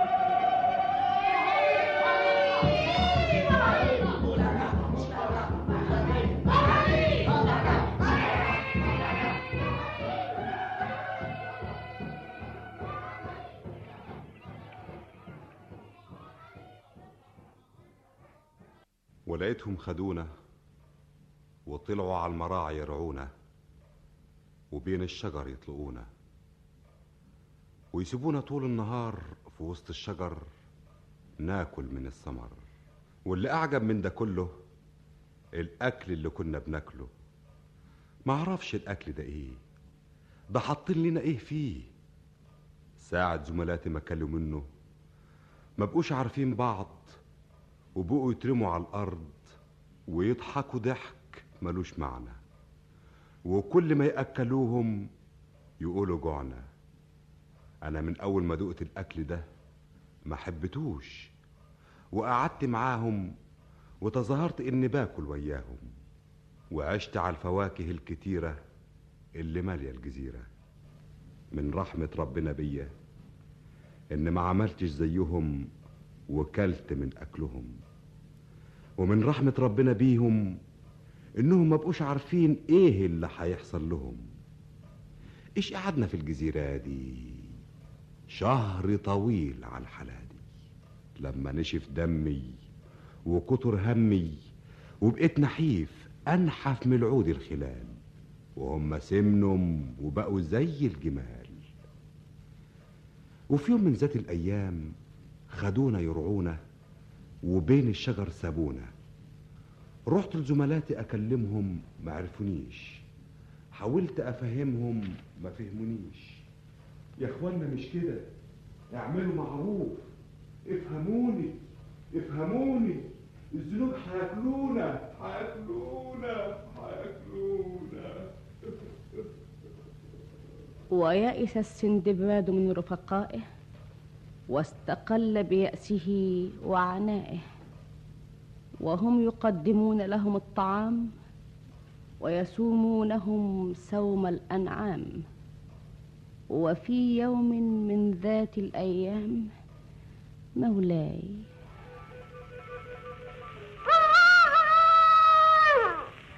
وهنا أدرك شهرزاد الصباح فسكتت عن الكلام المباح.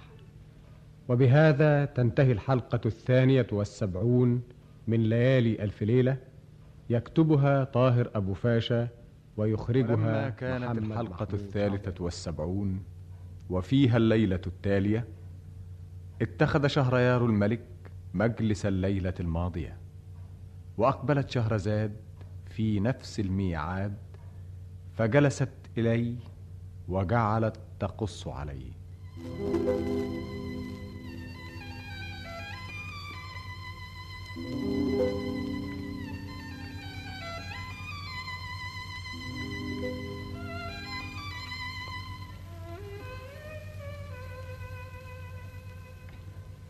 بلغني أيها الملك السعيد ذو الرأي الرشيد أن السندباد البحري جعل يواصل حديثه عن رحلته الرابعة وحوادثها المثيرة وعوالمها الرائعة. فذكر لهم كيف نجا من الموت في البحر فاستقبله الموت على البر.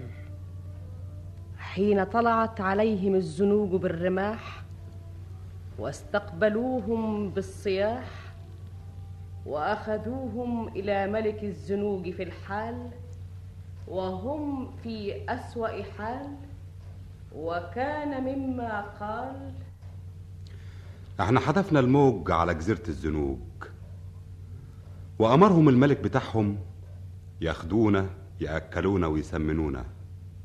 عرفنا انهم عاوزين ياكلونا. وحطوا قدامنا أكل معرفوش جيت أدوقه ما حبيتوش ربنا كريم لو كنت كلت منه كان جرال اللي جرى لأصحابي. جرالهم إيه؟ أنا لقيتهم مد إيدهم كلم وبشكل غير عادي انفتحت نفسهم وظهرت عليهم أعراض الجنون. وغابوا عن الكون وكل يوم ياخدونا يرعونا وبين الشجر يطلقونا وآخر النهار يسحبونا ويحبسونا عقبال ما يسمنونا ويدبحونا زملاتي من جنونهم ما بقوش عارفين حاولت أفهمهم. أفهم في مين؟ وفي يوم من ذات الأيام سرحوا بينا زي الأنعام. وسابونا نجري في وسط الشجر والنخيل. أنا جريت جريت على طول وفضلت أجري في وسط الشجر لما خرجت من بلادي اللي بياكلوا لحم البشر. ولقيت نفسي قدام أرض مزروعة فلفل وناس بتجمع حب الفلفل وناس بتكيل. ساعة ما شافوني جاي عليهم ماتوا من الضحك وسابوا اللي في إيديهم. أنا شوف شعره إزاي أنا. التربة يغير هوا. أنا أنا. اشحال أمواتنا يا؟ أنا أنا. لا أنا. أنت إيه؟ أنا تاجر غريب. غرقت المركب بتاعتي وراحت بضاعتي وحدف لي الموج على جزيرة الزنوج جزيرة الزنوج وإزاي نفدت منهم بعمرك؟ ربنا كتب لي عمر جديد. مسكين. غلبان. انت جعان؟ أنا مش لاقي بر الأمان. إحنا ناخده معانا للسلطان. ما تخافش. وصلت لبر الأمان. ده السلطان هيستغرب. يلا نركب. يلا يا بكير.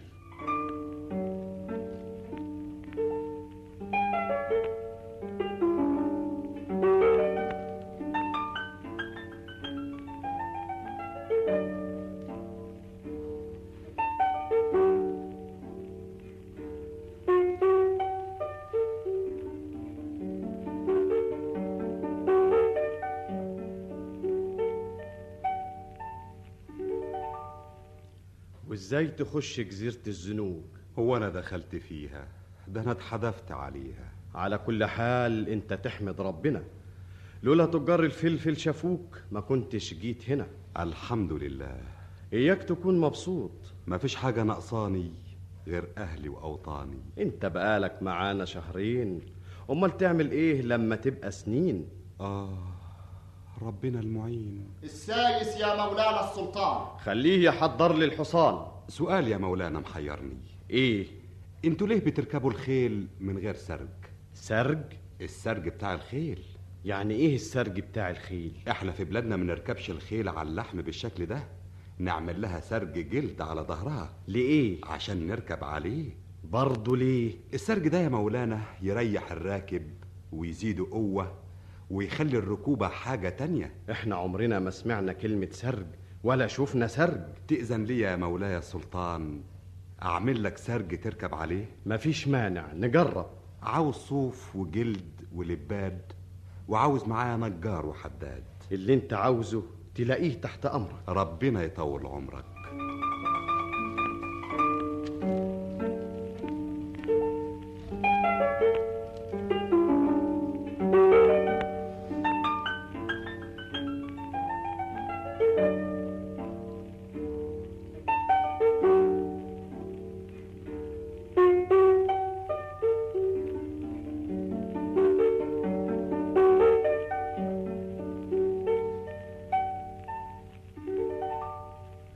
تسمح يا مولانا تتفضل تشوف الركبة بتاعتك بقت إزاي؟ انت خلصت السرج اللي كنت بتقول عليه. مولانا لو سمح يتفضل يتفرج. أما نشوف حكاية السرج دي. بقى عندكم ما يركبوش الخيل سادة كده زي عندنا؟ الوقت تشوف يا مولانا. وإزاي الحصان يعرف يجري وإحنا مقربجينه بالشكل اللي بتقول عليه؟ هتشوف يا مولانا. نشوف يا سندباد. إن شاء الله مولانا هيكون راضي. شوف يا مولانا. الله دي حاجة لطيفة خالص يا مولانا. انت جربته يا وزير؟ مفيش كده يا مولانا. الله ودول إيه دول؟ دول يا مولانا تحط رجلك فيهم يحفظوا التوازن ويقدر الفارس يقف عليهم. يا سلام! تعال يا سايس اسندني لما اركب الحصان. لا لا يا مولانا مفيش داعي لكده. حط رجلك في الركاب. واسند بإيديك على ظهره واطلع على طول. أيوه كده. أيوه أيوه. دي فعلا مريحة جدا. يلا.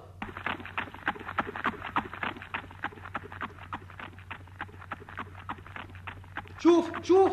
قام يا سلام. زي النسيم.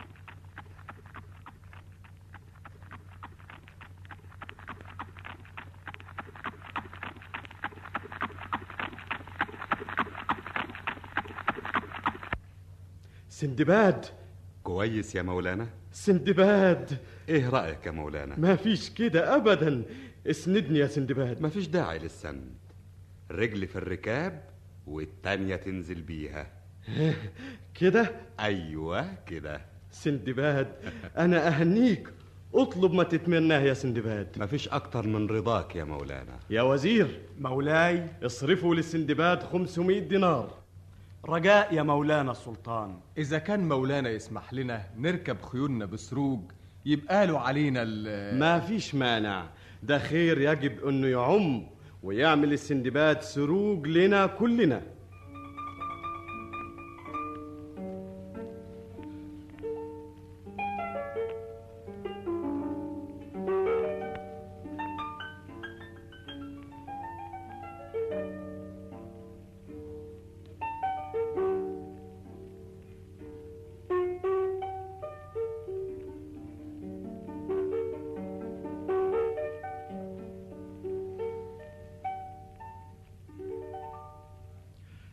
تعال يا سندباد تعال.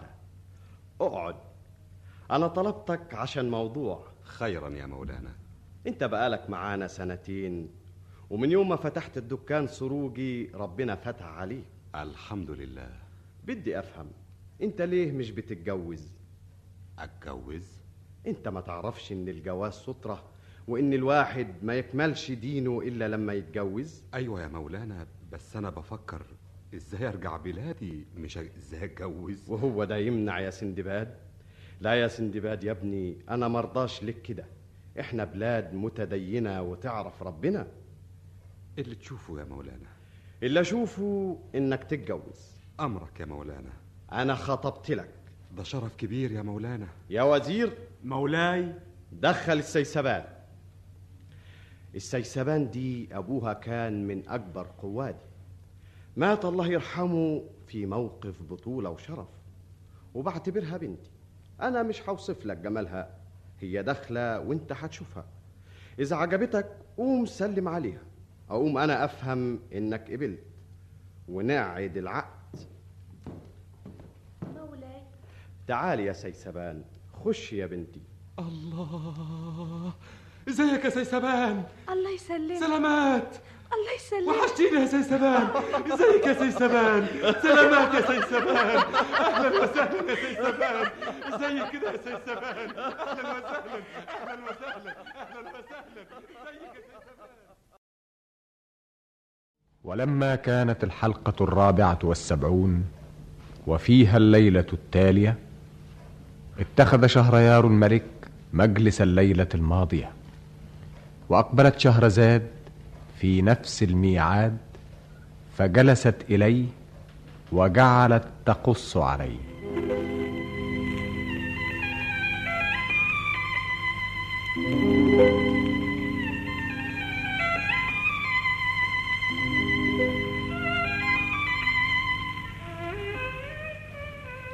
بلغني أيها الملك السعيد ذو الرأي الرشيد أن السندباد ظل يحدث أصحابه عن رحلته الرابعة ويروعهم بحوادثها الرائعة فذكر لهم كيف هرب بين الشجر من أكلة لحوم البشر وكيف لقي تجار الفلفل في مزارع الفلفل فأخذوه معهم إلى مدينتهم وكيف صنع لهم سروج الخيل ولم يكونوا يعرفونها من قبل إلى أن تزوج من السيسبان بواسطة السلطان فابتسم له الزمان وجرى بين يديه المال وأصبح ناعم البال إلى أن قال إيه والله أيام وزمان. مش ممكن أنسى حياتي مع سيسبان. جمال إيه؟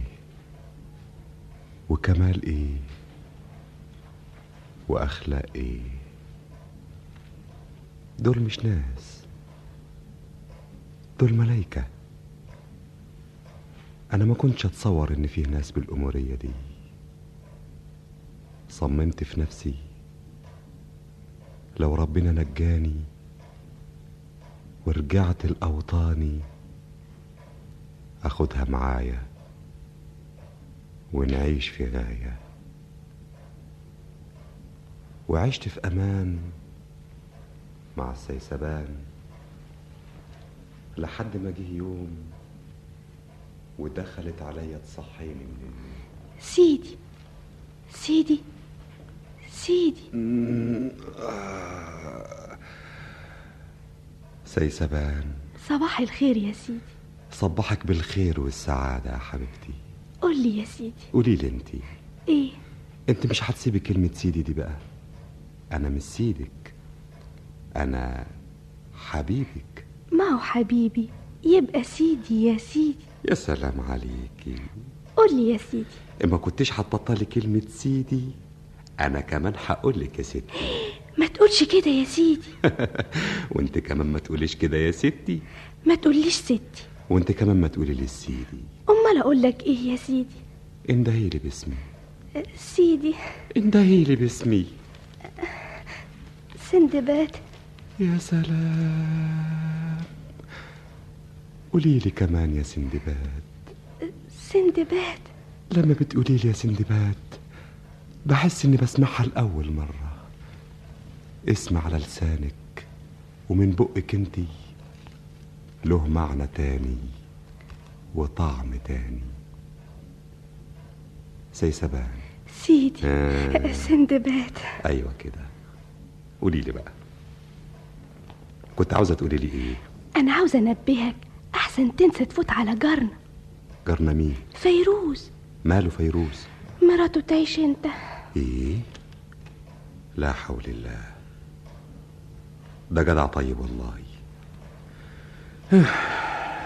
أما اقوم عشان اعزيه وأقعد معاه وواسيه البقية في حياتك يا سيسبان ربنا يبقي حياتك يا سي ها يا سندباد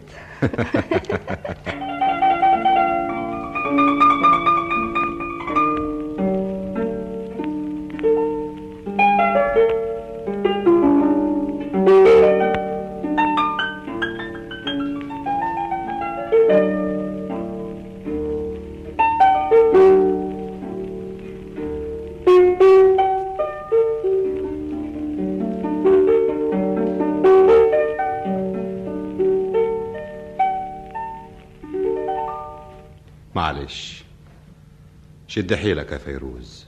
وأنا عطف يا حيلة سندباد. البقيه في حياتك. ولا عطف حياتي بقية. ربنا يطول عمرك. يطول عمري؟ هو عطف العمر طول يا سندباد؟ الموت على رقاب العباد. انت تقابل القضا بالرضا الحمد لله. يا راجل ما تجزعش كده. بكرة ربنا يعوض عليك وتتجوز غيرها. أتجوز غيرها في الطرح بعد عمر طويل. طويل إزاي؟ ما عادش في عمري غير ساعتين. ساعتين إيه؟ ساعتين زمن. أنت ما تعرفش ولا إيه؟ أعرف إيه؟ أنت ما تعرفش إن هندفن معاها النهارده؟ تندفن معاها؟ أمال أنت فاهم إيه؟ وتندفن معاها ليه؟ إحنا هنا كده. زي ما تعرفش الحكاية؟ حكاية إيه يا فيروز؟ كده إزاي؟ إذا مات الزوج تندفن معاه مراته من غير ما تموت. وإذا ماتت الزوجه يندفن معاها جوزها وهو حي. ويدوله وهو نازل المقبره سبع ترغفه وقلة مية. إزاي الكلام ده؟ الأزواج عندنا ما يفرقش بينهم ولا الموت. يعيشوا سوا ويموتوا سوا. هو فين المرحوم؟ أنا. أنت المرحوم؟ أيوه. طب يلا امال يا أخي لحسن المرحومة خرجت. مع السلامة يا مرحوم. ربنا يرحمك يا فيروز. محدش يشيل المرحوم. المرحوم حد كويسه ويقدر يمشي في وسط حبايبه. تعالى يا مرحوم. إيدك يا مرحوم. ربنا يحسن إليك يا فيروز. إيه دنيا مع السلامة يا مرحوم. مع السلامة. مع السلامة. مع السلامة.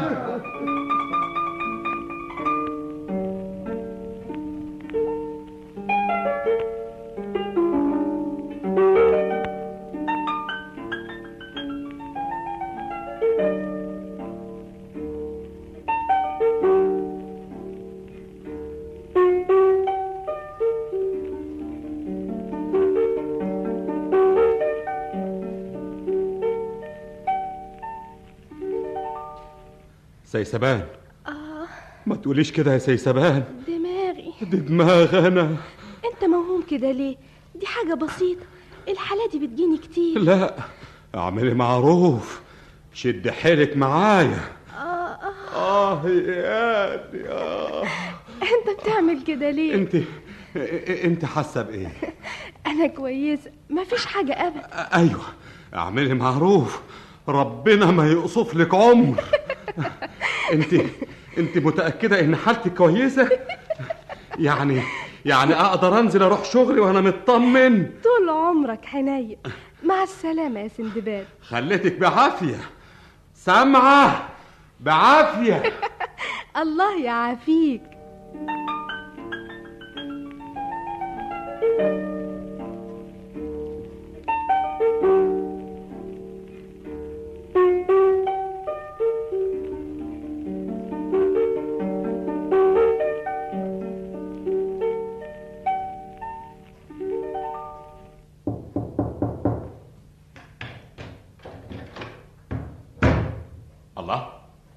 سايبه من الشباك مفتوح؟ وفيها إيه؟ فيها إيه؟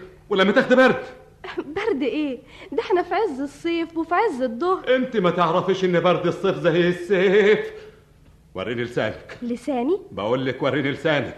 لسان إيه؟ إيه اللي هوريهولك اعملي معروف ما توديناش في مصيبة. مصيبة إيه؟ فرجيني لسانك بقول لك. اتفضل اهو. أنا مش فاهمة حاجة ابدا. استني استني. آه آه. آه ما دي مسألة مش بسيطة أبدا. ده حاجة فظيعة خالص. اللي هي إيه؟ أنت أنت معدتك كويسة؟ معدة إيه؟ طبيعتك ماشية؟ أنا مش فاهم. أنت جرالك إيه؟ دي دي دي, دي حاجات لابد تبلغها لي أول بأول. حاجات إيه؟ أنت سامعة؟ أنا بقول لك إيه؟ تقدري تفهميني. إيه؟ لو أنا جرالي حاجة ومت أنت ذنبك إيه؟ يدفنوكي معايا. أمال عاوزهم يعملوا إيه؟ يسيبوك أما تموتي موتة ربنا واعيش أنا وآكل وأشرب آه. وأتجوز. وتتجوزي. ودي يبقى جواز ولا عيشة؟ إحنا عندنا الجواز إلى الأبد. لا نعيش سوا يا نموت سوا. أمال الإخلاص إيه؟ ووفاء إيه؟ ما يمكنش يعني. تتنازلوا شوية عن الإخلاص ده. اوعى تقول كده قدام حد. قدام حد؟ ده أنا هقول كده قدام السلطان. اوعى الله انت رايح فين؟ رايح للسلطان. أنا رايح للسلطان. سندباد سندباد سندباد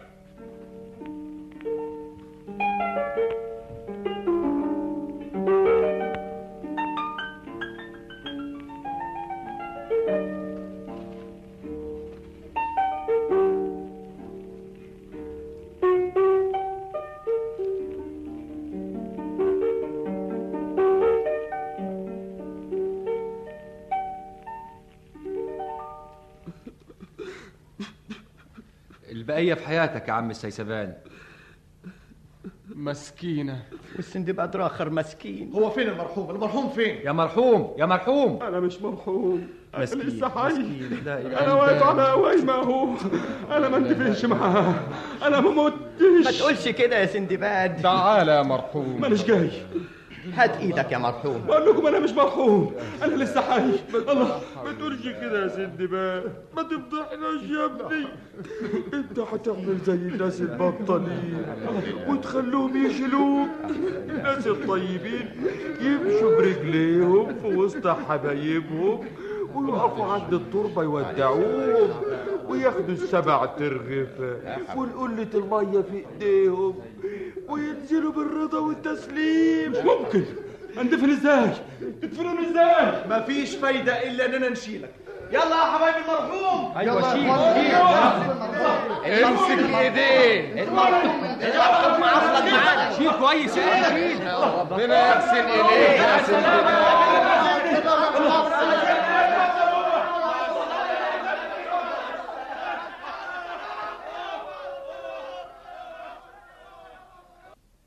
وتكاثر عليه أحبابه وأصدقاؤه فحملوه إلى المقبرة وقد اختلط ببكائهم بكاؤه ليدفنوه مع زوجته المتوفاة حسب تقاليدهم في الوفاة حتى إذا وصلوا إلى ال- مولاي. وهنا أدرك شهرزاد الصباح فسكتت عن الكلام المباح. وبهذا تنتهي الحلقة الرابعة والسبعون من ليالي ألف ليلة يكتبها طاهر أبو فاشا ويخرجها محمد محمود شعبان.